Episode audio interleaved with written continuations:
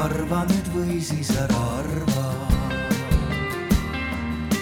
Let's get started and um, thank you everybody for coming to this um, first panel in this um uh, in this in this area here.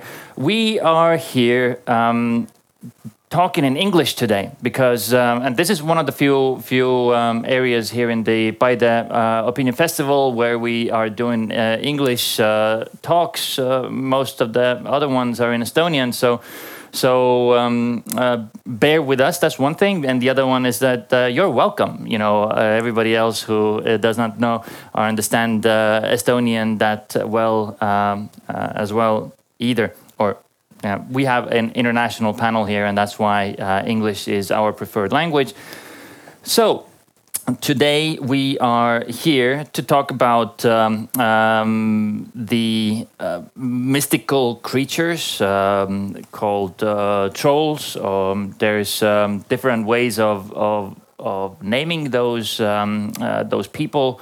Um, and we're basically um, here in the Opinion Festival talking about opinions and uh, people who have opinions online. And uh, who are they? What are they? Why are they like that? And um, and um, uh, this is the general gist of, of this whole thing. I want to also welcome everybody who's viewing our stream online. I hope there's a million of you out there as well.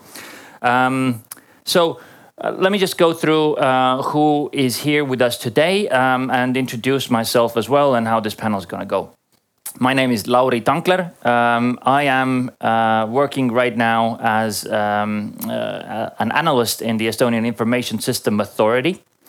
This means that I deal with cybersecurity. I'm, my background is also journalism, and I've also been a teacher. So I've um, actually um, I've actually encountered uh, a lot of this um, this this uh, online speech questions, issues, bullying, cyber trolling, um, um, especially when this um, uh, you know uh, in my in my journalist uh, time as well. Um, we have here a, a truly great panel, as uh, usually uh, is, is uh, said um, to my right, and uh, they'll um, we'll go through what everybody's specialty is. They, everybody will do that as well. To my right, there's um, Tuija Säresmaa. Uh, a senior research at the University of Jyväskylä in from Finland. Then we have Kerli Valner uh, from um, the Estonian Union of for Child Welfare, uh, the Safer Internet Project Manager, right? Right. And then our special guest today, uh, Aveli from Tõrva. Uh, she's 14 and she has a unique insight that us old people don't. Um, then, of course, uh, we have Christian Mogensen, um, a uh, special consultant for the Danish Center for Digital Youth Care from Denmark, right? Yes. Good. And joining us online from his own private quarantine, quarantine in uh, Norway, we have uh, Lien, uh, who is a visual journalist, um, documentarist, photographer from Norway everybody has a, a unique uh, aspect, a viewpoint into this whole issue.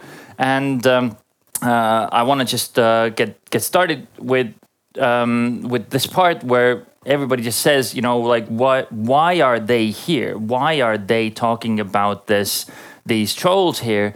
And uh, let's, let's start with Kyrre um, let's see if you, you know, if everybody can see you, uh, hear you first and uh, see you, and then let's just uh, go around the panel and ask uh, about uh, what people do.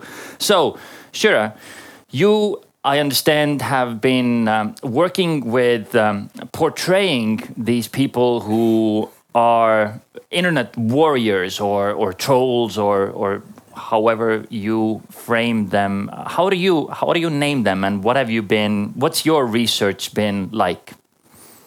So i've spent the last couple of years trying to figure out that like who these people actually are.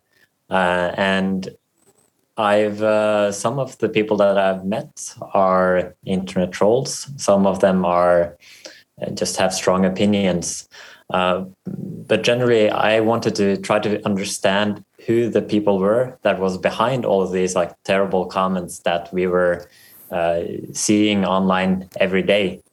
Um, so since 2014, I've been traveling the globe and met with some 25, 30 people. Um, people on the far right, people on the far left, uh, people that uh, believe in climate change, people that don't believe in climate change, uh, people that uh, harass people because they find it amusing. And uh, why I wanted to do it was because at that time when I started in 2014, a lot of the debate about internet trolls, internet warriors was about um, like who they were, but very few people were actually talking with them. And that was my goal to try to understand who they were and and uh, get to know them and travel to their home and drink coffee and eat uh, cookies with them. So, uh, just uh, before I ask you a follow up question right there as well, let's just uh, make a couple of uh, uh, things. Uh, let's just discuss what we're actually talking about. Who are the trolls and who are what? What do they do? So, as I understand, there is a um, you know, a legitimate question of the freedom of speech. Somebody really wants to express their, you know, uh, opinions, and um, having a a shield, a computer before them, actually gives them either anonymity or basically maybe not even anonymity, maybe just protection, you know, from from. Uh, um, I don't know um, somebody who who might look down on that opinion. And then there's there's of course people who are the actual trolls who just do it for fun or are being paid to do it or are are just joining in on the action. Is there anything, sure, that you would like to specifically, you know, point out uh, that uh, that that you would like to define separately as well?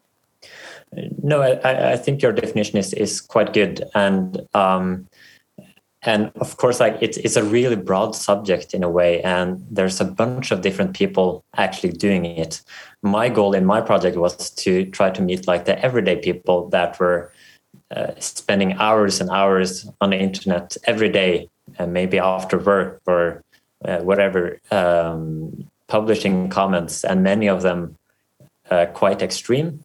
Many of them could be threatening. Some of them were against uh, Norwegian or international law. Uh, some of them were um, harmless. Um, so, so it's like it's uh, the comments that I've focused on is mainly everything you can you can find online. All right. Uh, I'm going to come back to you a little uh, bit later, but let's just go uh, through this as well. Christian, um, tell us about what you've been um, what you've been researching about. I understand, especially men uh, in uh, online um, uh, discussions. So, what what is it that you are focusing on in your research?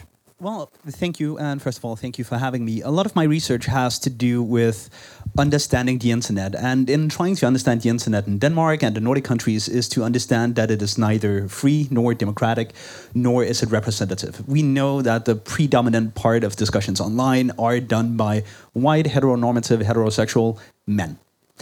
That being said, we also know that by far the largest part of harassment, terrorism, and trolling is aimed at either people of a different creed, religion, or um, skin color than white. We know that it's secondarily aimed at women, and thirdly, aimed at people with a physical or mental handicap.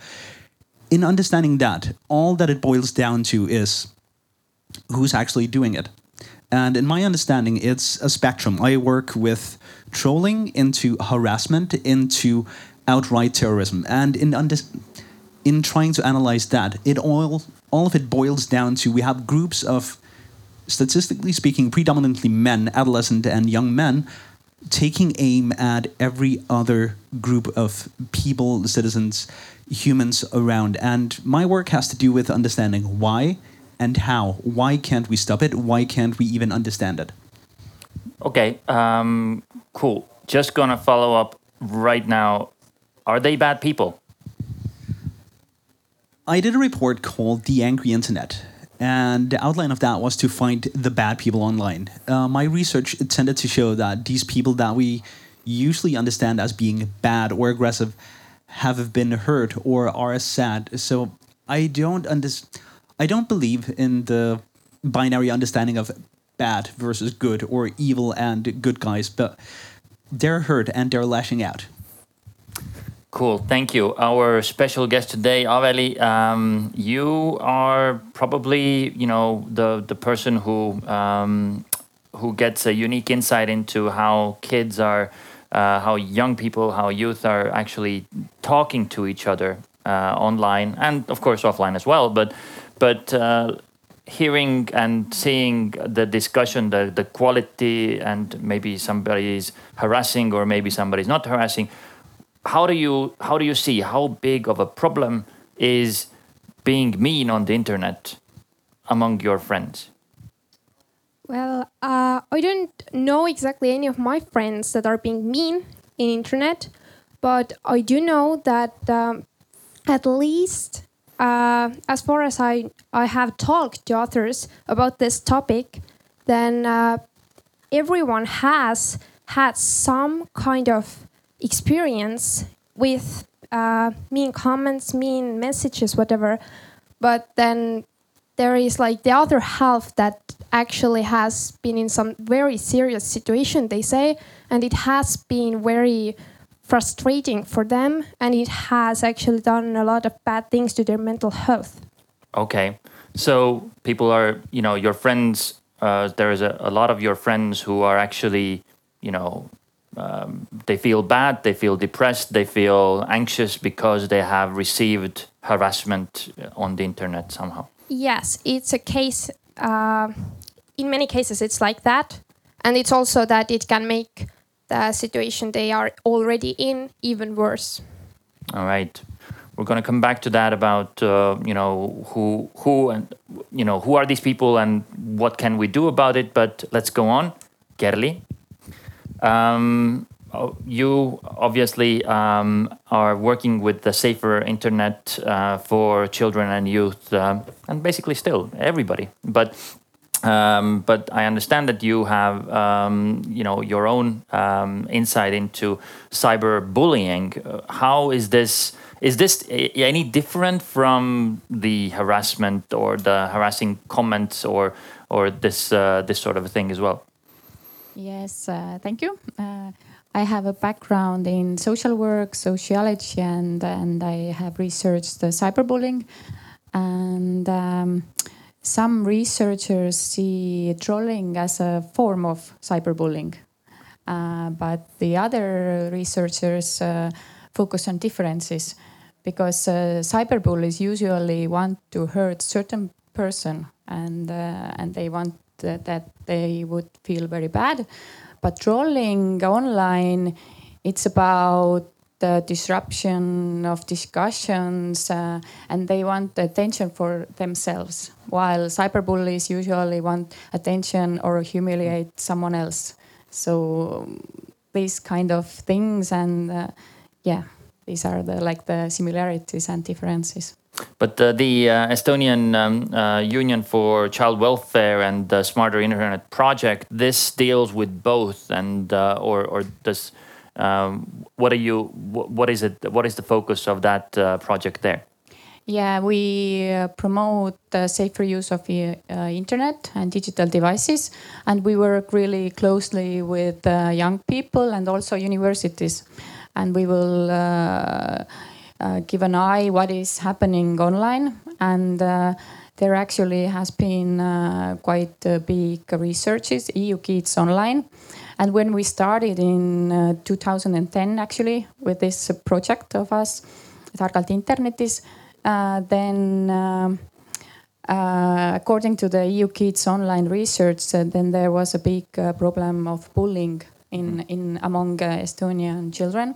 Uh, according to the research, there were 45% uh, of uh, of young people had experienced bullying past year, and and 15% of cyberbullying, and and now the same research was done in uh, 2018 and then we were really curious uh, um, how our different programs have worked or, or our approaches uh, to the schools, to the parents. And actually, the bullying has uh, decreased, uh, and 23% of the children said that they have encountered bullying, and but the cyberbullying remained the same on the same level. So it's like 15, 14% of the young people who are having this bullying online. So the rate of cyber, you know, bullying going into cyberspace actually just uh, you know increased, but the overall rate of bullying uh, decreased. Uh, but that's basically uh, you know just everything goes online anyways. All our interactions go online uh, more and more, uh, and especially with the kids. This is actually a good point that uh, Kerli is making, and I'm going to come to you just in a second. That. Um, the Safer Internet project has been out there for 10 years, uh, 11 years now. 11 years. So the kids that were, you know, that, that he has targeted, they're already grown up. They're already grown ups. They are already in the world among us. And we don't actually know, like, did this work on them as well? You know, were, were they, are they the ones uh, are, are those those ones who actually got in contact with with the Safer Internet project? Are those the ones that are not doing this anymore, or you know? Hope so. we hope so.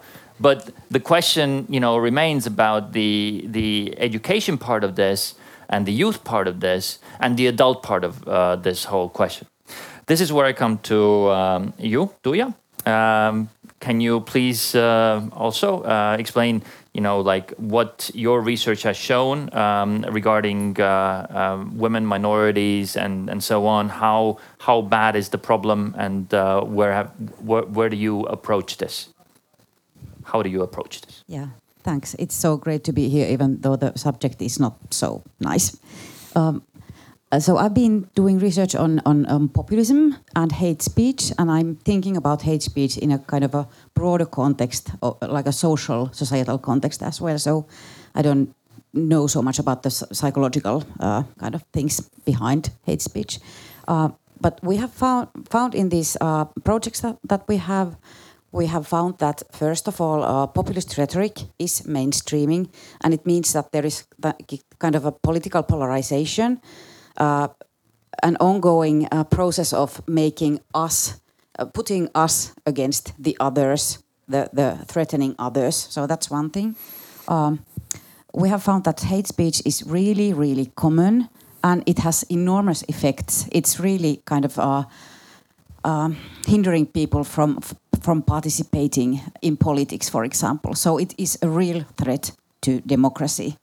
Uh, we have found that hate speech, as, as was said, as Christian said, is a gendered, gendered uh, phenomenon uh, produced by men mainly and, and uh, received by women. So, and like uh, other like minority groups, I mean, uh, when it comes to power and, and mm. hierarchy, so women are like, they don't have as much power as men do. Even still in the Nordic countries, they don't have that much power and they are, they are targeted and and like other like racialized people, uh, sexual uh, minorities, mm -hmm. and so mm-hmm. on are targeted.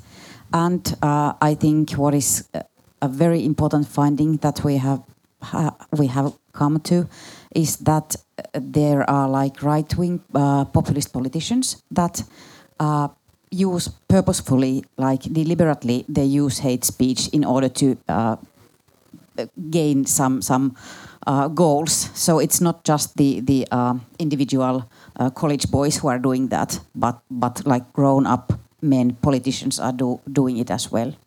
Okay, that's um, and, and, this is this is the research that you're you're doing among uh, um, as in who is behind it, uh, not uh, what is the content of the hate speech, or how do you how do you differentiate there? Well, since I'm in, in like four or five different projects, we do both of those. Okay. So absolutely good. Um, so in this panel, let's let's uh, let's differentiate a little bit. You know, content of the speech is inter- interesting and important, but the the people behind it are the the focus of what we're doing here and uh, and the focus of a lot of your your guys' uh, research here. Um, and uh, I'm gonna come back to uh, Kyrre um, with the same question I actually asked Christian. Um, um, in your in your travels, in your portraits, uh, and you've you've uh, portrayed um, a lot of people who have had extreme views online. Are they bad people? And I'm just ask the same question, like uh, the the binary, the good, bad, or you know, like what what is the what is the content of the you know badness? I, I, think the interesting part of actually meeting the people is that um, when I was reading comments, when I'm speaking with friends about like internet warriors or internet trolls, we have a uh, perceived like these are really bad, terrible people. Um, and uh, I think actually meeting them uh, stated the the opposite. A lot of the people were normal people. They were um, they had a job, they had friends. Uh, many of them had families, um, and we could have a, a, good conversation about like everyday subjects.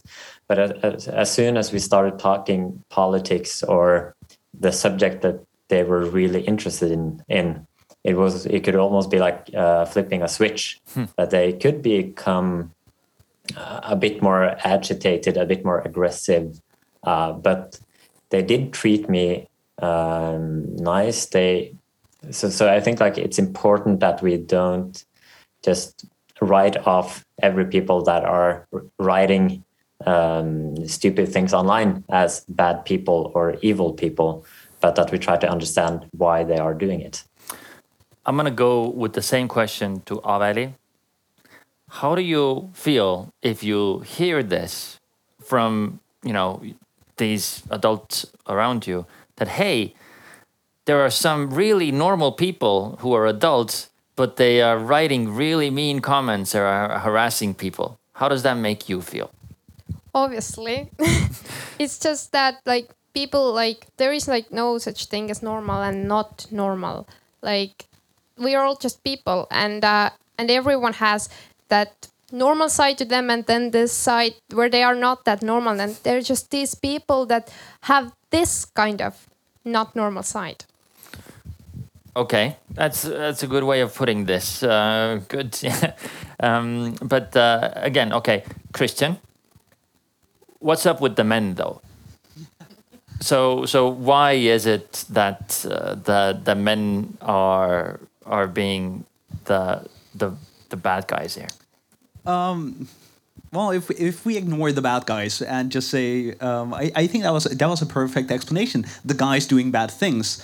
Um, understanding trolling as one part. If you troll, the act of trolling is using the least amount of effort to get the biggest response as possible. Like that is one thing. Like we can ascribe that to being a teenager. Like that is what I did from 13 to 19 basically which most teenagers do. If we go into the act of harassment or like I try to undermine your democratic right to participate in it, what I found in my research is that very often we deal with young, younger men who have found or who have been given a very simple explanation to a very complex problem.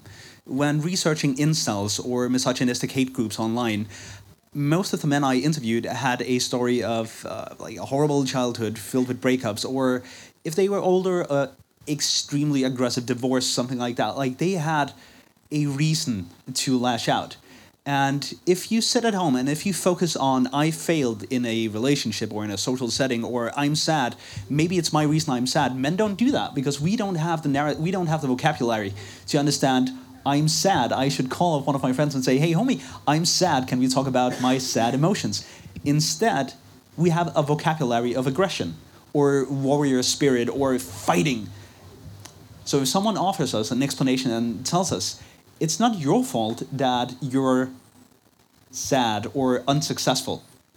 It's their fault. It's the women because feminism have stolen your sexuality or your right to be a manly man in society, or it's the immigrants because they took your job or your money or whatever. It is easier to buy into the wrong explanation than to understand the hard truth. So like that is what I found in my research is that there's this schism where well basically simple solutions to complex problems. All right, that's that's an interesting way of putting this. I'm gonna hop on to Tuija for a second. You've been uh, your your research has also been you know gender studies uh, earlier as well. This male female divide uh, that uh, we're talking about here. How did, how has that this um, uh, surfaced uh, in your research, or have you seen? And how come you know the the women do not um, do not factor that much into this this uh, you know who the the trolls or the warriors are. Yeah well uh, first of all i would like to say that uh, i don't like myself believe in such a strict gender binary uh, but but the thing is that in the internet the people do and that's i mean there are like two uh, uh, separate groups like us and the others and us in this case would be the, those uh, heterosexual heteronormative men who want things to be as they were like 50 years ago. That was of, of course not uh, such a paradise at that time at least not for women but but not for men either. But but there's this kind of a nostalgic uh, picture of that time.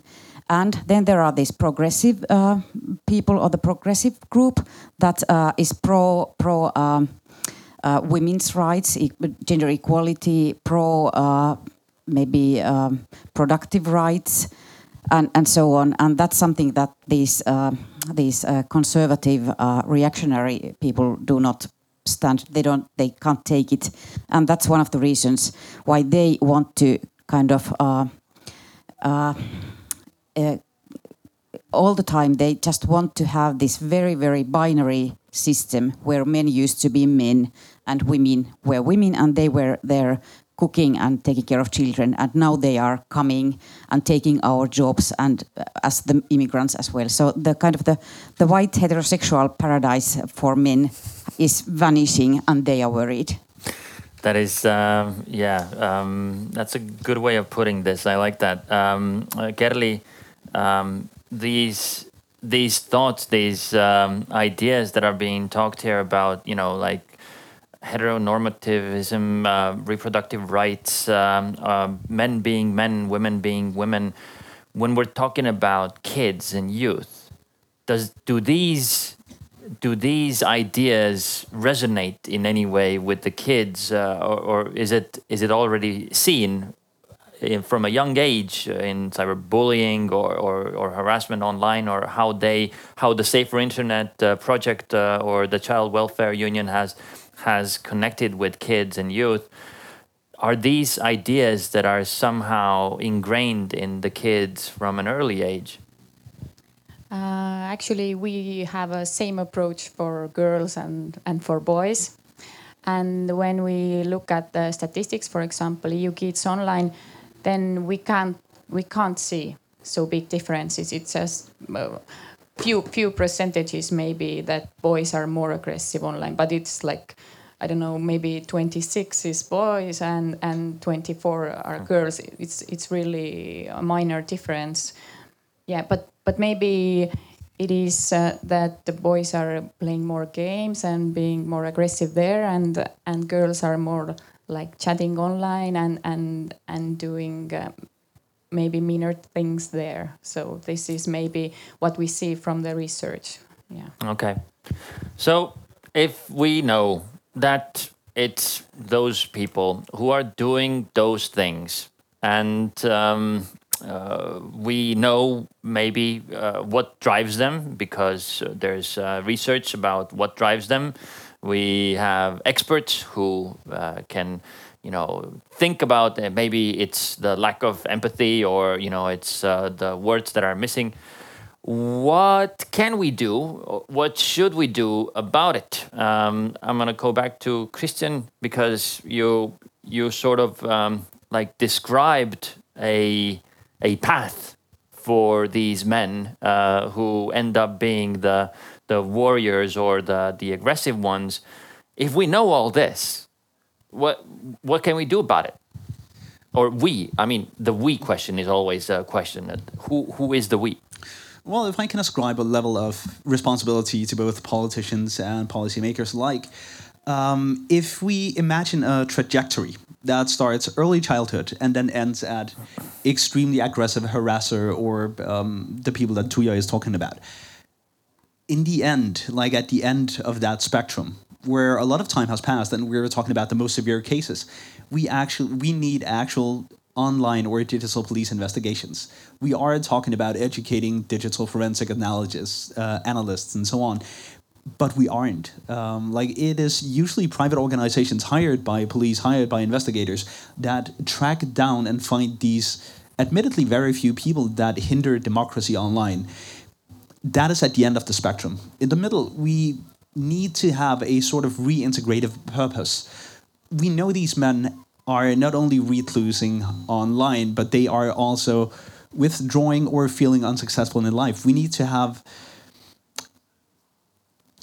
actions or projects that bring them back into pro-social both online discussion forums but also physical world projects in the beginning if we want to work preventively like i'm talking about age 4 to 8 which is where i believe the biggest conclusion or biggest effect can be drawn from we need to talk about emotional empowerment in young men. We need to talk about like having a vocabulary for feeling unsuccessful or sad or just having emotions outside of hungry and or horny which is kind of what we brought up the couple of last couple of generations of men to believe in is that if those two attributes are fulfilled we're happy and we don't have words for anything else than that which is why like Tuija is saying a lot of these movements, a lot of these groups are talking about withdrawing 50, 60, 100 years back into time where men were men that worked, had sex to get children, and then ate dinner. And like they want to go back to that, even though everybody knows it was a way shittier time for men and women and anything in between alike. But that is what they have the vocabulary to understand. So if we can educate ourselves out of that by emotional empowerment in young men, I think that would be the biggest gap to bridge. I'm going to come back to Kerli. You and uh, the Estonian uh, Union for Child Welfare, that's sort of the uh, that's the con- that that's the organization that actually should or could be there, could be present. Um, is four to eight years old. Um, you know, is this a um, a, a segment of, of youth or kids that, that you guys are uh, working or you know could they be reached through their parents through their uh, preschools or schools um, what do you think about uh, this uh, this idea of this early age intervention for for for men boys kids children Yes. sorry yes Uh, that's a good question. Actually, uh, what has come out from the also the researches and, and the recommendations from there is that uh, we should be there, of course, for our children when they are they are starting to become online, and of course when they are interacting with each other, how to solve conflicts, uh, how to, to promote their social skills, and and so on, and. Uh, and actually, we are approaching uh, this uh, online safety things and also social learning through teachers. That uh, uh, previously, or when we started, then we had these uh, experts who went to like kindergartens or schools and they held their uh, a lesson and then it, it stopped and they get edu- educated and it was like the one time thing but now we are trying to more train uh, the teachers uh, where they are. So the knowledge will stay there. And we have uh, special programs for kindergartens and we have special uh, programs for, for schools. And actually starting from september we are having this uh, uh, safely online ABC for, for, for kindergartens, uh, also kindergarten teachers, and who will have different kind of models about uh, uh, password protection, but also how to ventilate your emotions, how to be polite, uh, what to do with mean comments, uh, who to turn to. Uh, to call maybe 116 111 and and uh, talk to web constables and, and these kind of things but i think uh, it is uh, crucial to to be there uh, when they are starting to have this and to really educate parents Okay, parents. Okay, uh, Aveli, um, we're we're talking about here, you know, young men, young boys. Um, are you seeing this as well? That the boys and the girls interact differently um, online and or offline um, between each other and uh, between you know like boys to girls and girls to boys. Is there a difference um, in terms of trolling or you know these mean comments and so on? So I would say generally yes. Uh, generally, boys and girls do interact differently with each other and in internet. I can't say about the trolling part because I don't have such experience. I have not seen it.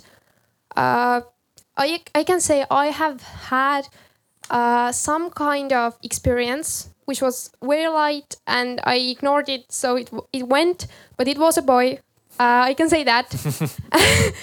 uh, but yes, I will say it, it also, as, as has been said, it comes uh, from the traditional teachings and uh, things like that, especially when you have older parents, which I can say it truly does affect it because I myself am being raised by uh, really older people.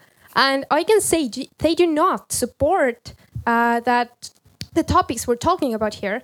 Like, and, uh, but then at the moment when you like become teenager, like 12 plus, I will say, then like at that moment, uh, you like become to like look for these things for your, by yourself. And I can actually say boys support it less. Like, uh, I have had this experience with my friend that uh, like she came out uh, and then she got blocked by boys in her class and girls did not do that so it was like what like Okay. it is it is boys do this more That's an interesting. Oh, that's a good um, good comparison. Christian wanted to chime in here. Um, yeah, one point I think is important that now we're talking about parents, we're talking about this generation gap and the digital upbringing. Um, one word that I think have been extremely detrimental to teaching or just raising a new generation of digital citizens is the notion of digital natives that our generation the new parents or the slightly older parents that might have teenagers now have talked about well they already know how to use the facebook or the snapchat. They are born online. They are digital natives. So we don't have to do anything which may be right teenagers today know more about how to use snapchat or tiktok than their parents no doubt but they do not know more about democracy or representation or communication or ethics, which is still where parents or sorry, but old people have a relevance in the online world. It's not about using TikTok, it's about using communication online. So we still need digital parents. We just don't need them to also be on TikTok. They just need to talk about it. That's a good point. Shira, um, we we were just talking about kids and you know like how how they um, what what to do. Your your research has taken you to adults. You know, the, those are the ones who who who who may actually uh, be uh, or you know you you portrayed them. Um, are they? Um, are they actually first of all are they the ones that really want uh, to turn back time 50 60 years to where men were men and women were women uh, like uh, it was uh, heard here in this uh, in this panel Um, I don't think it's that easy. I think, like many of the people that I met, like of course I met people from a lot of different political um, perspectives, but uh, what generally uh, combined them was that they felt betrayed in a way from the general society. They felt like their voice wasn't heard. They felt like they were being left behind. Um, that this was their way to get their opinion out and even though like uh, not all of the opinions they had uh, were harassing. Many of them were quite strong. Some of them were hateful. Um, but but I think like uh, it's it's important to note as well that um, older people can harass as well. They are uh, older women can harass as well, and that it it is a quite a broad spectrum of people actually doing this, which I think is is really important to remember. And but I'm also seeing that a lot of like the the really uh, personal harassment online is also from the younger generations, incels, um, etc. Okay, just uh, to clarify some of these um, terms here as well. Incels, uh, we mean uh, involuntarily celibate, so people, who, young men who feel that they've been deprived of of uh, sexual contact, uh, you know, unfairly, and they are uh, living out this this these notions online. Um, but um, I'm gonna come, uh, you know, sure. The the same question actually applies if we're talking about young younger generation there's teachers there's schools there's there's people there's intervention programs that that can be made what about adults what is it that you know the politicians or activists or friends or or or whoever what what is the social um, uh, circle what could be done what should be done uh, to you know like help these people I think it's interesting. Like one of the guys I met, he said like before he always sent his opinions in an op-ed to the newspapers, but like they were never published. But now when he has online tools, he can publish it anytime he wants, anywhere.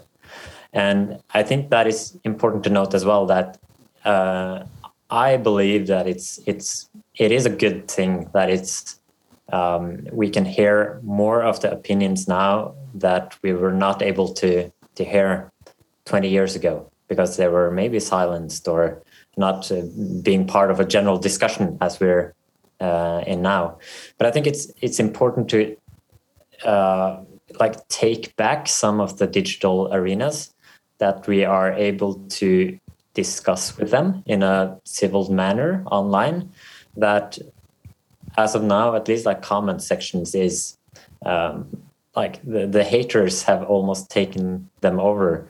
And we need to take them back if that is through policy or if it's through people engaging themselves i'm not sure but it, it is um, it's a problem that is not going to go away by itself you're a journalist sure how come you're like a policy to actually moderate, uh, like politics or policy to actually moderate uh, uh, free speech online? How do you feel about this uh, dissonance?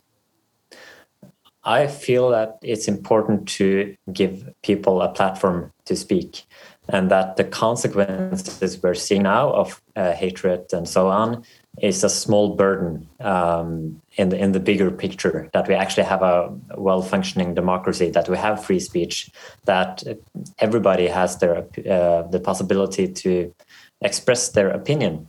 And but it's important that we differentiate between uh, freedom of speech and also hatred uh, and harassment things that are like we have we have laws against it but we need to also enforce them.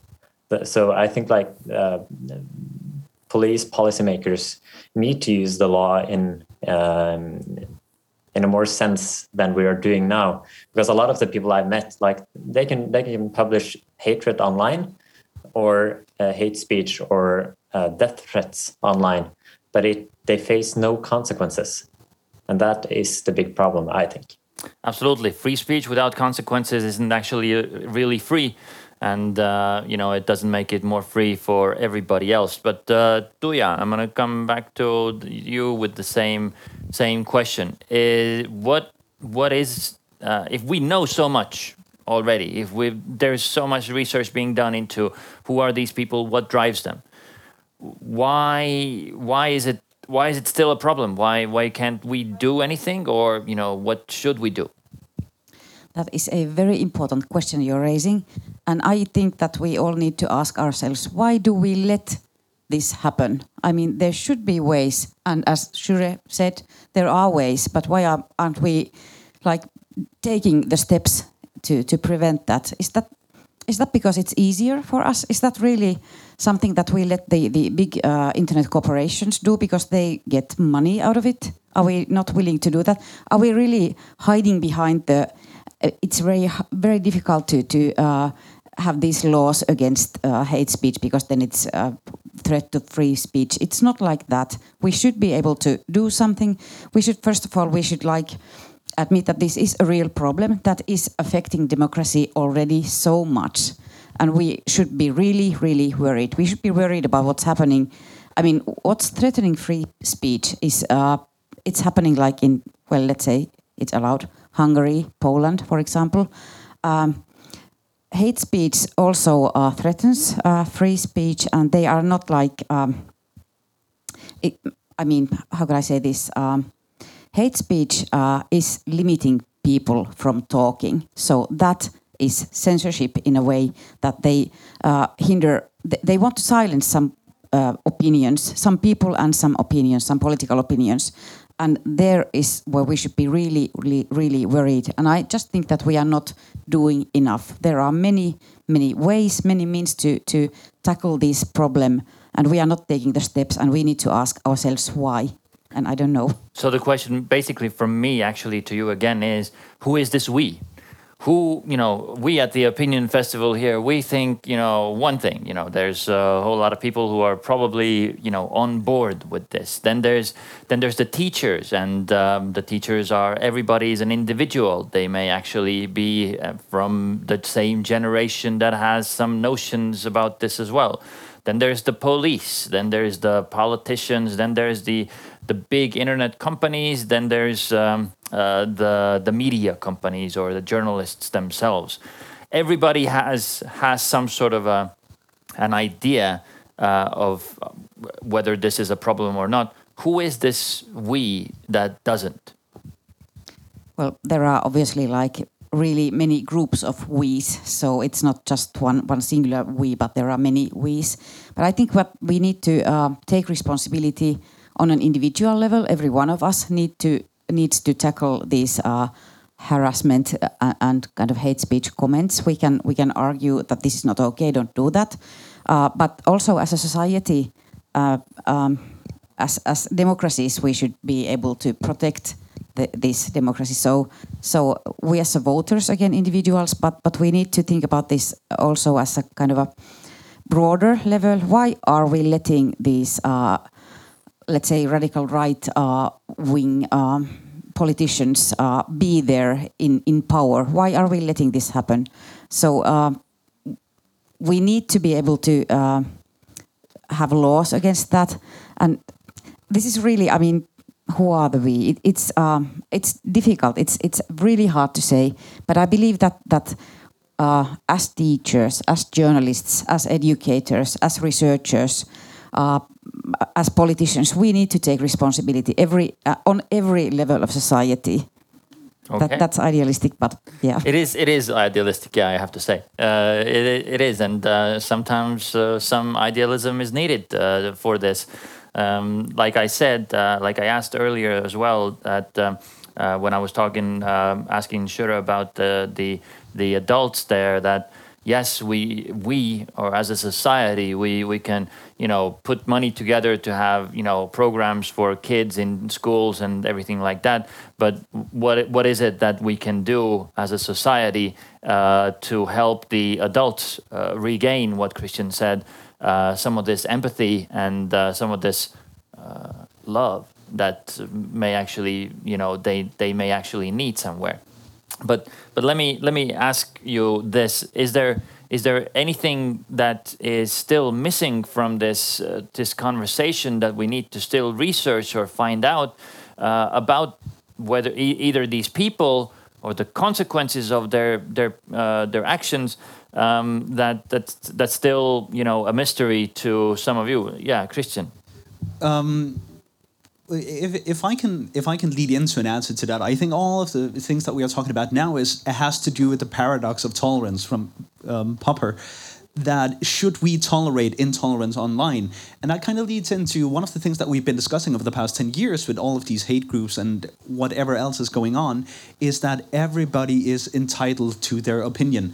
Everybody has the right to express how they feel and what they think directly aimed at people because the internet has put us in contact with everybody via Twitter, Facebook, um, email accounts, whatever. We can talk to everybody. But should we?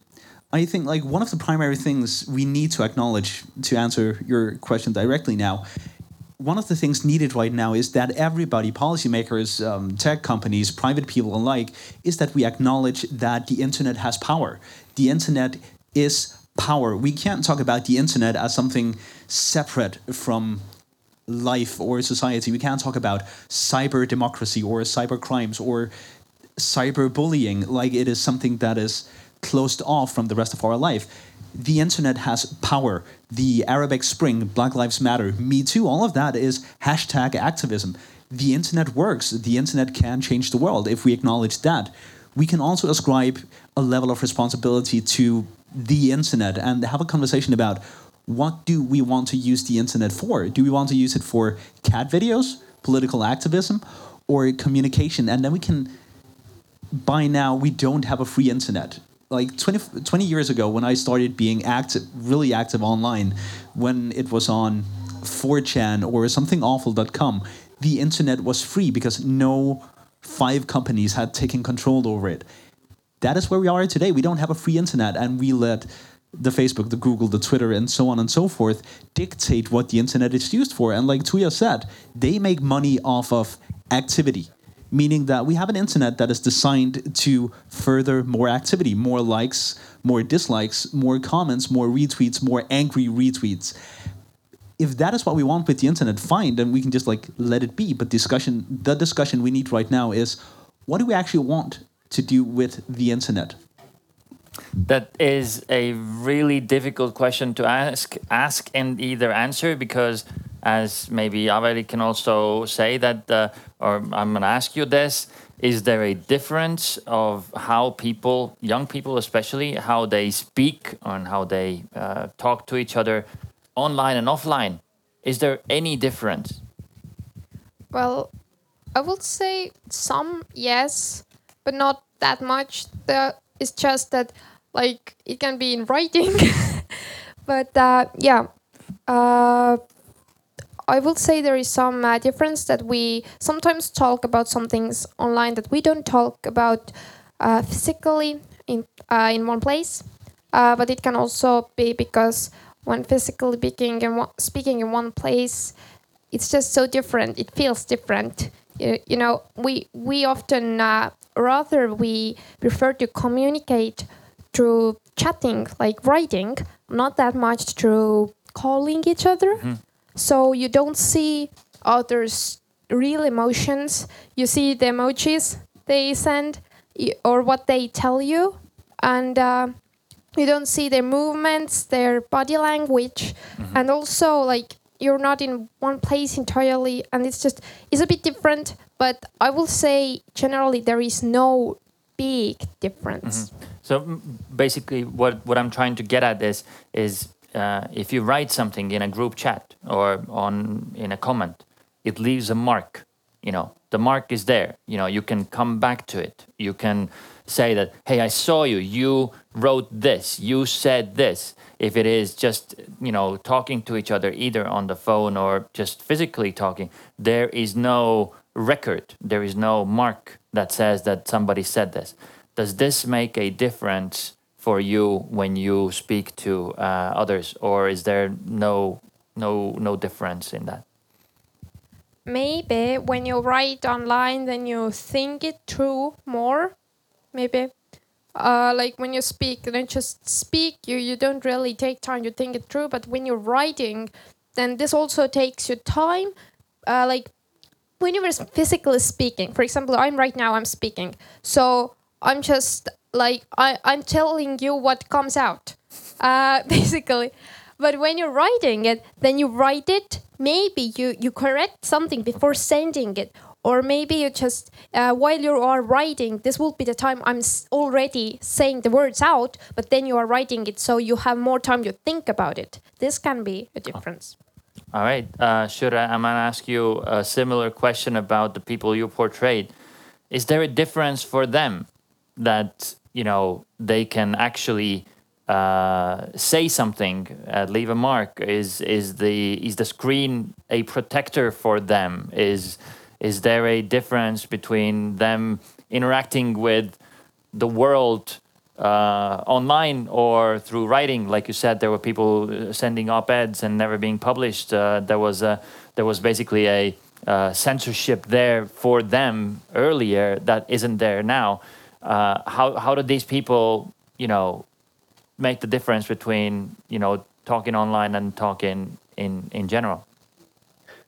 So in the documentary, what I did uh, was that I uh, researched every single one quite extensively and and traveled to them and brought the brought the comments. Uh, so I printed out the comments that they, they have written and showed it to them, and many of them were like, "Ah, but I didn't mean it that way, and that was a lot harsher than like maybe I was a bit drunk." Like a lot of these like. Um, when they were reading it back, maybe a few weeks later, it became a lot harsher for them in a way. Um, it became much more direct. And and I think that that is an interesting note as well. That many of the, the people I met, they um, they could almost write anything online, but uh, when they were faced with it later on, uh, some of them like uh, retracted some of it and and like yeah, but uh, I don't feel it that way, or um, yeah, it was just for fun, or I wanted to provoke, or yeah. Okay. Do you think that there's still something uh, that you that we don't know about these people that could help us uh, deal with this as a problem? I, I think the, the person that has that solution is uh, like we we have been discussing this, and let's face it, uh, like a big problem uh, for for many years. And uh, from my perspective, we're not been able to fix it, and it's getting worse. And um, and, and there is no quick fix to it, and and that is like. Um, from, from my perspective, we can continue discussing it and uh, try to have policymakers, journalists, media corporations uh, to continue working on it. Um, but we need to talk with the people who are actually doing it. We need to face, like, if we have a neighbor or an uncle who is writing something or a friend online, we need to talk with them. We need to create a dialogue and, and try to fix it face to face, um, friend to another friend. I don't think necessarily that um, policies are a quick fix that will solve uh, everything. Okay. I'm going to um, go um, into some um, sort of a controversial controversial issues now um, with with the whole panel to ask uh, you know just to just to liven things up a bit and be a little bit of a um, you know um, you know say bad things or you know controversial things as well. But the you know what I want to know is um, Tuija and Kerli. Tuija, maybe you, you can start. Should we even care who these men are?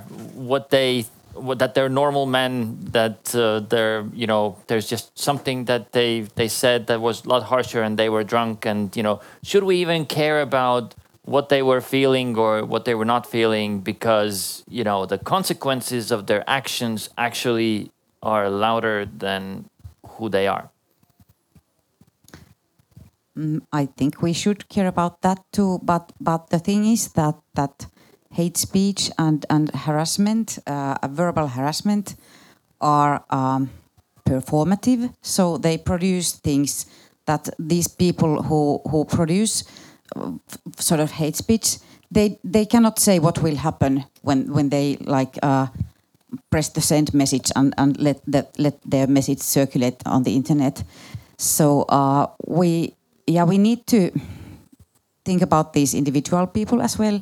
We need to find out why, what are their motives, what are their networks, uh, who who are the producers, who are the circulators of hate speech, but uh, we need to think about that also in a broader level, and we need to acknowledge that uh, hate speech has consequences.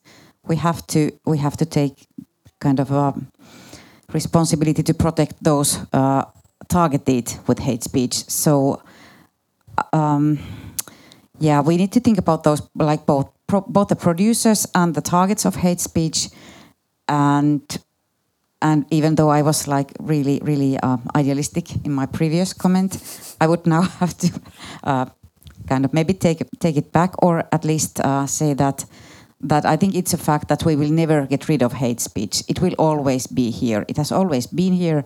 It will always be here. So we need to like find ways to to uh, deal with it find ways to to uh, live a life where we can uh, take it into account and and try to find reparative practices and and just live to learn to live with it even though that's sorry Learn- to say Learn to live with it. Yes, that's uh, uh, encouraging right there. Uh, Kerli, uh, how do you feel? Should we even care what these men think? Mm, I think we should care about uh, them, and we should uh, we should study uh, what they are thinking and what are their background, so we can really raise awareness as maybe uh, among uh, general public, but also among youngsters. Uh, who are those peoples? Why do they have like uh, I don't know 20 or 30 accounts? Why they are like attacking people? Why they are uh, giving this hate speech? Because we we also need to build a resilience uh, that it is not because of them the targets that uh, these messages are coming out. It, it is because of them. Uh, they are feeling bad they are feeling deprived uh, whatever uh, that we need to have this kind of phenomenon uh, uh, to be studied. So we we know how to react. We don't take it too personally. We will feel more better about ourselves when we are targeted or yeah. Okay. Um, so basically, let's still, you know, uh, listen to them and see wh- wh- what they are, and then see if we can help that. But uh, the other part of this is the freedom of speech part of this. What is the freedom of speech part of this? Uh, uh, sure, as a journalist, as a, again, you know, um, there is a big question for journalists to to let it to show what people are are thinking. You know, we have an opinion festival here. You know, we need to hear what people's opinions are. But if I were to come out here and say that, hey, I'm a Nazi, then people would be like, nope, that's not your opinion festival. This is uh, some other opinion festival somewhere else. Uh, you go over there. And but if I do that online, uh, then I will eventually find the 14 people, or maybe a lot more now, uh, that that uh, feel the same way. If this is a freedom of speech thing, sure. Um, should we have freedom of speech in that in that sense at all, or or you know should we just you know cancel the whole freedom of speech thing and you know just say that all right, you know no more Nazis online. I think uh, like a lot of the people I, I talked to, they felt censored because they felt like their, their comments were being deleted. Um, they didn't have a space. And that is also because of policy. Um, for instance, if they comment on a Norwegian newspaper uh, in the comment section on Facebook, the newspaper is using a lot of money to moderate that comment section and to remove hate speech, to remove um, threats to remove uh, direct personal attacks uh, towards individuals. Uh, and I feel like, in a way, it is working, but it's also like trying to put out a fire, and which is still burning. And and again, like yeah, it it is a, still a big problem. But of course, like we have to have free speech. We have to um, uh, listen to people, and I think also there are good things coming out of it, uh, even though we're hearing opinions that are uh, hate, uh, hateful and um, terrible. I think it's uh, uh, somewhat good that we like that we know about it at least that we know that these opinions circulate in the society and then we can try to fix it Are you worried at all about giving these people a platform through your own media that you've been doing this, uh, um, the the documentary, the the other projects that you are doing? You are sort of promoting their hate speech, aren't you? In many ways i'm giving them a platform which is um, a, a huge debate ethically uh, in also like the journalism society and also for myself as well but i think that uh, giving them a platform and showing their opinion um, in a journalistic way where uh, me and my editors um, like uh, work it uh, work with it and, and treat it as journalism I think it's it's uh, important to show those opinions as well, and to show the people behind the comments. Uh, try to meet and understand the people that are writing these hateful comments. Christian, you had very strong opinions about you know whether this is the internet we want, and again the question is always who is the we? You know who who wants it that way? Um, are you just as concerned about what Kyrre is doing with his platform? Um, I, I'm not concerned about what Kyrre is doing, but I'm concerned about the necessity of it because the people Kyrre is interviewing and working with, analyzing, have an effect. Kyrre is shedding light on it. The effect is already out there. He is trying to explain why it's there. It's the same as saying that um, we should not interview Nazis or mass murderers or serial harassers or terrorists but just like Kerli and Tuija said, we need to do that in order to understand the, the system of this underlying problem. I don't believe, eh, generally speaking, that anyone can be born evil or bad, like we talked about in the initial discussion. But some of them do grow into doing bad things, and some of them do grow into doing extremely bad things that hinder a democracy or basic human rights we need to understand the system behind the actions. And we can't just focus on the actions, we need to understand what brought them about.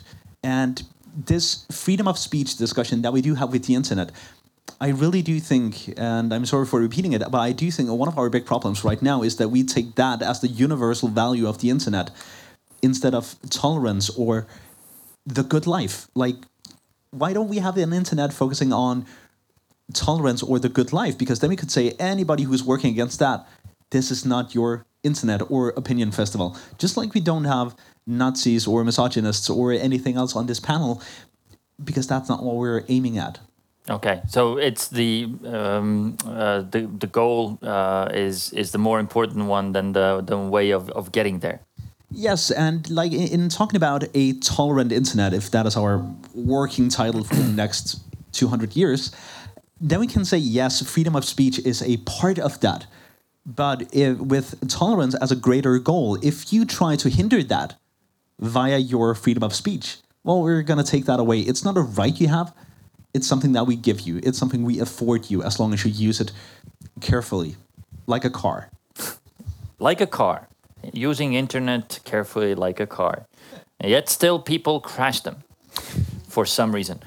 Um, I asked Aveli um, to ask her friends um, about uh, being able to express themselves or, or participating in some debates online, whether you do it or whether you don't do it because of fear of being uh, maybe harassed or getting uh, bad comments uh, if you say something positive about uh, I don't know the, your your ideas, uh, something like that, and then getting bad comments uh, because of that.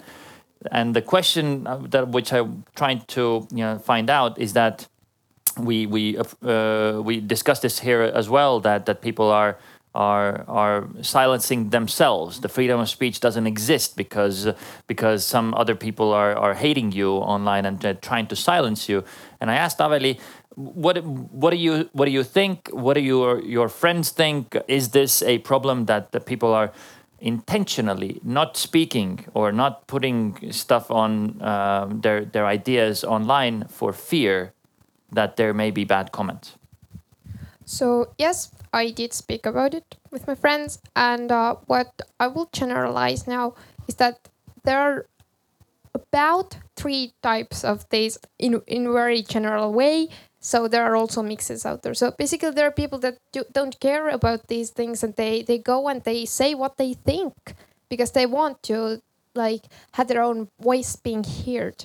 So there are people that are are actually shy and they are afraid. They have these opinions. They they do talk about them, but to people they trust and to people they know, but not the general audience.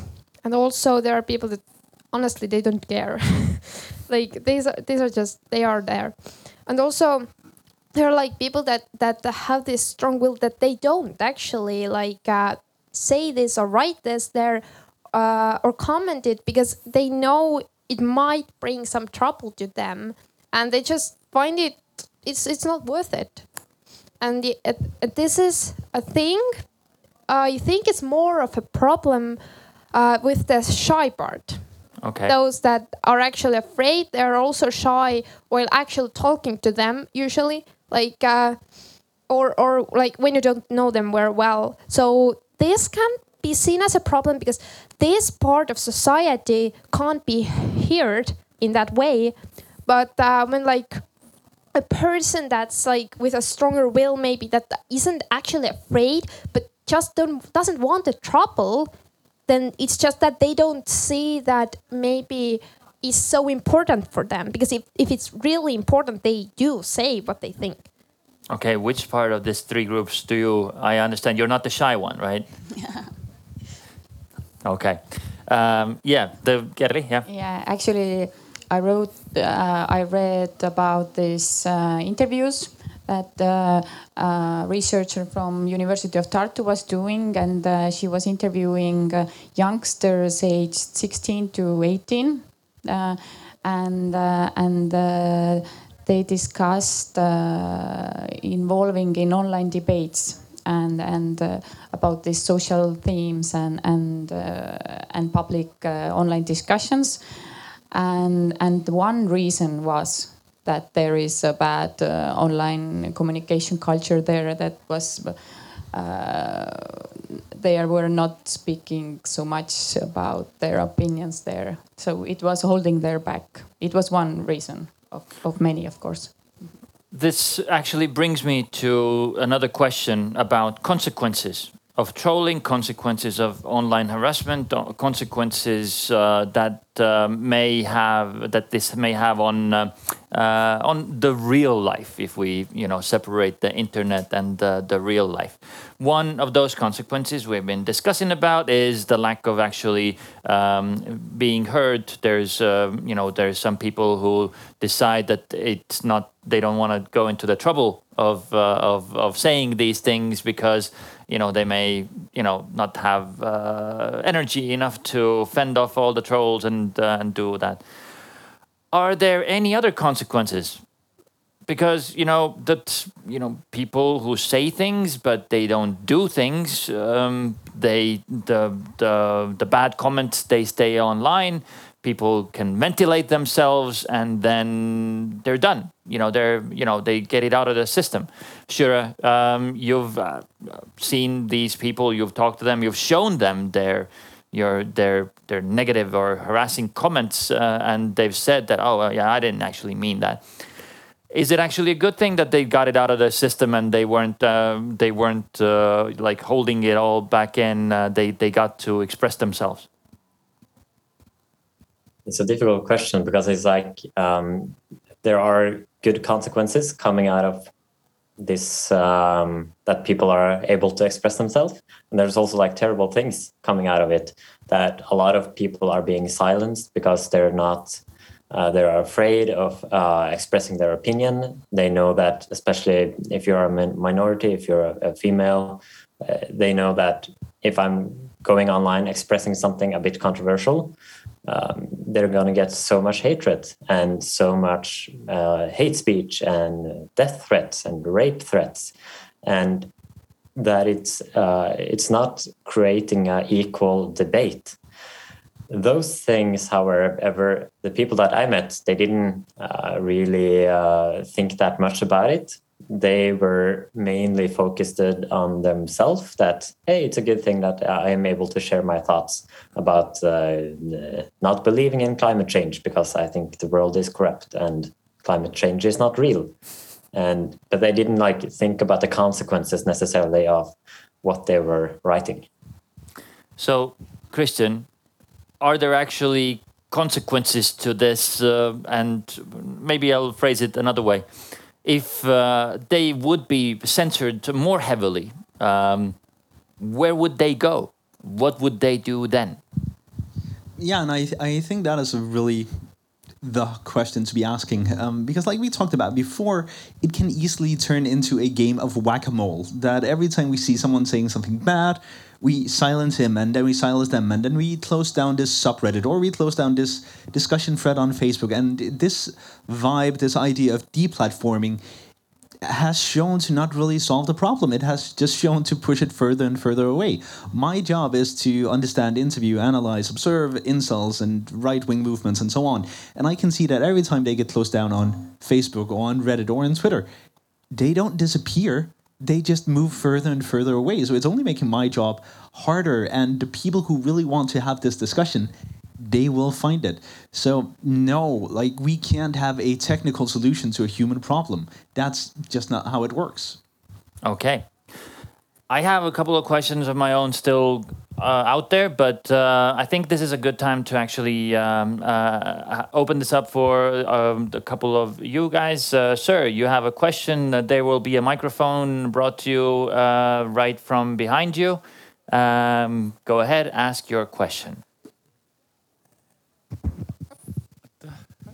Okay, thank you. I am uh, Madis from the Nordic Council of Ministers office, and uh, uh, it was very good to listen to your discussion. And um, now, in this last part, hearing about uh, being afraid and uh, consequence, consequences, uh, it uh, a little bit reminded me the years of the Soviet period, where there was a kind of a joke or word of wisdom that uh, went like that. Do not think.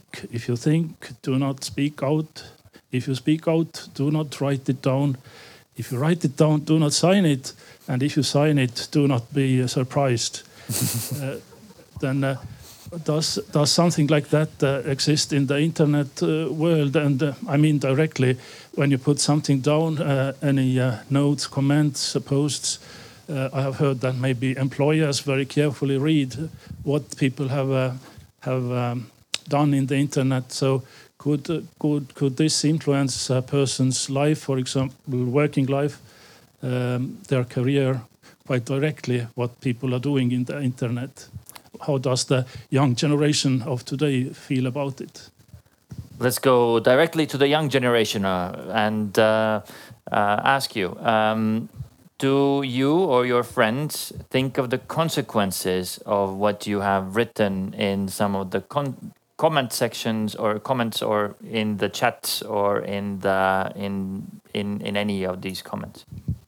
So i can say i do. I i do and that's why i don't do that. Why i i, I rarely really comment anything. Uh i believe not anyone does it because uh, when they write these bad comments, then probably they they don't think about it. Maybe they they're gonna hurt someone, or maybe it's gonna actually have some consequences for them. I think not anyone does think about it, but I think some do. Uh, let me ask you, Tuija, um, consequences of of these uh, of these things. Uh, do people that you maybe research and seen? Do people uh, understand that there are consequences to what they do online, or is it sort of like, eh, let it be? I would say that they do understand that they have there are consequences and they enjoy those consequences. They because, enjoy those consequences because and now we are talking about a little bit like different uh, groups of people. But when I talk about like uh, uh, radical right uh, politicians, they know that whenever they post something mean, uh, it will get uh, circulated. It will get get get their uh, they more popularity, more visibility, more attention, more votes. So it has been actually showed showed uh, that it's true that, for example, uh, Donald Trump uh, actually got elected for the office because of and not despite of his hate speech. And I think that's happening now in Finland as well in in the radical right parties. The meaner you uh, are, the more votes you get. So misogyny, racism, all that, it's just cool. Uh, say those things aloud and you get votes. So there are consequences and they may be good. So unfortunately, yeah, I'm afraid this is All right, but that's that's the political side of it. Sure, you've seen the actual human side of this. Are people's jobs, friendships, uh, um, communities, um, uh, you know, some consequences in the personal lives uh, because uh, that uh, those people are, uh, are are harassing other people online, or The having these extreme opinions.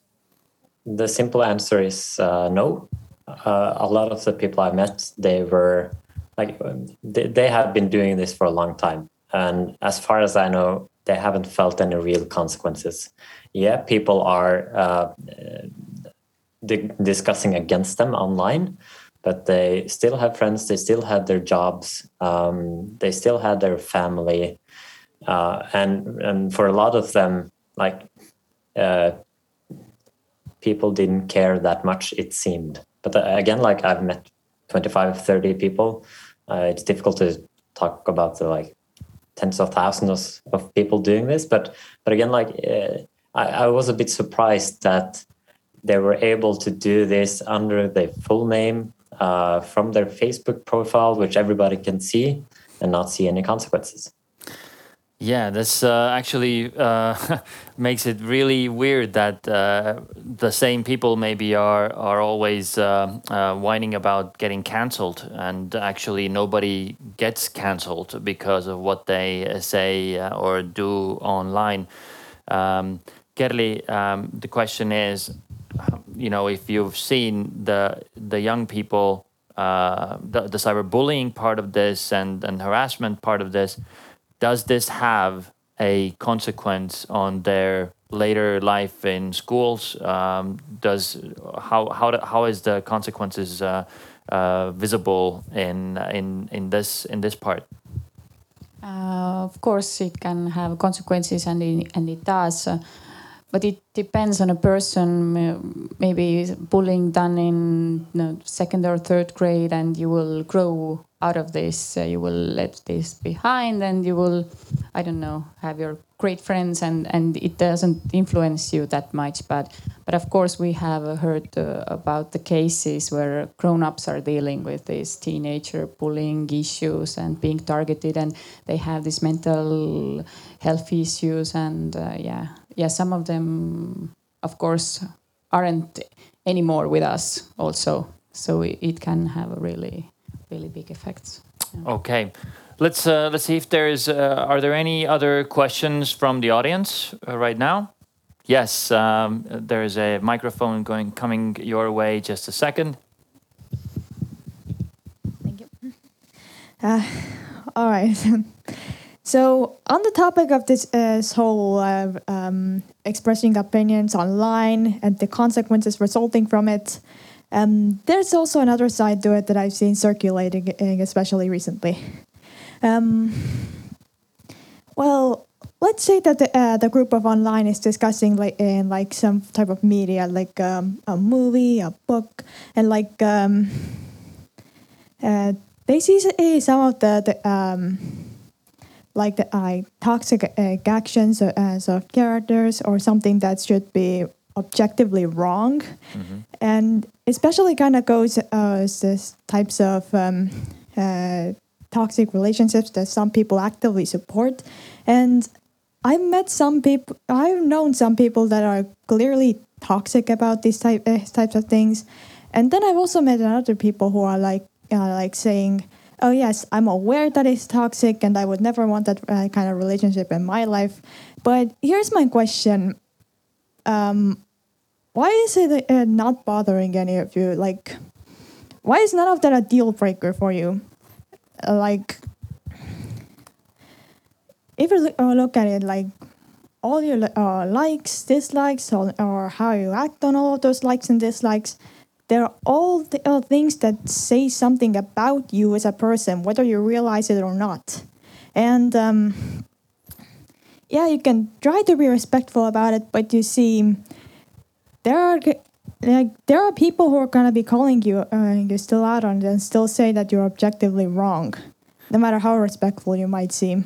Let me let me uh, try to rephrase this. Uh, people who are in relationships with other people, uh, not in not in the media, but actual relationships you're talking about. And no, I'm specifically referring to the, uh, to how people like in, interpret like um, uh, media and how they view it. Okay, and um, but the the question is that how how do we not see this as as a problem? Uh, that that there are some uh, media uh, depictions of of people who are clearly toxic. Um, well, it- it's kind of all about uh, the deeper perspective, uh, uh, my uh, knowledge at least, and how. Um, um, well, I'd say it's about deeper understanding uh, of the uh, people's actions and people's thoughts. I'm gonna, I'm gonna thank you for that question. I'm gonna, you know, widen this a little bit uh, into what are some of the, uh, you know, like the um, uh, role models that we see in the media, and whether you know some of these role models in the media or some of these uh, actions that uh, or relationships that are there. Um, is this something that uh, may need uh, action um, or or interference uh, that uh, people who write those scripts or people who, who make that media that, that they may actually need to be uh, called upon to to do better? Who wants to take this? You want to go? Well, I can, I can definitely try because in observing or analyzing incel and right wing communities and so on, I see that there's a lot of media being portrayed, and it's the same media, it's the same movies, it's the same relationships that are being used, and they understand them as good, whereas now I'm just going to say the rest of us understand them to be bad. It can be either um, the Joker movie or Rorschach from uh, The Watchmen or V for Vendetta. Some of these things that are the Joker and Harley Quinn from Batman, like their relationship, all of these that are portrayed as universally bad are then in very small subcultures used as this is what we want to be, this is what we want to do. And I don't think that there's a problem inherent in the media. I don't think it's objectively bad. What I think is missing is a broader discussion. If you take some of these movies, Joker is like when the Joker movie came out, um, the federal police in the US, the FBI, sent out warnings to movie theaters because this movie might be misunderstood and incite terror and violent attacks in movies, then we have a problem. And I think the problem that we're talking about is that we live or we exist in a attention economy. The more attention you can get, the more power you have. It's not about money, it's about the attention. So I do believe that some authors on purpose put out media or content that is I don't want to say bad, but speaking into a bad narrative that can be misunderstood and then will be misunderstood by half of the people and will be criticized for being able to be misunderstood by the other half, like Jordan Peterson or some of the other kind of right wing, but not quite authors and speakers. It's not about what you say, it's about the attention that it drives. So controversy sells, and uh, controversy is something that sells not just in media but also online. And some of these trolls, they actually they actually thrive on that controversy, and the being called out is part of their plan. And some of them become president of the US. Oh, absolutely. Some of them do become president of the U.S. Kerli wants to uh, Yeah, chime in I, here thi- as I think here is important to add that we need uh, a good and uh, quality of this media ed- education with our youngsters to really understand these subjects and re- to really debate on the different opinions there. Yeah. Yes, more education, better education, more context uh, for for for kids, but also for adults, please, because you know we can't forget that they are a big part of this as well. We are going to wrap this up, and uh, thank you for the uh, thank you to the audience. Thank you for your questions. Thank you for being with us online, and uh, especially thank you for to our sign language interpreters to, for making this uh, available for people who um, who may not be uh, uh, hearing us uh, the same way that we were speaking. And thank you, Kyrre, uh, for for taking this time from your um, home in in Norway. Uh, thank you, Christian. Thank you, Aveli. Thank you, Kerli. Thank you, Tuija. And let's give them a round of applause. Thank you very much.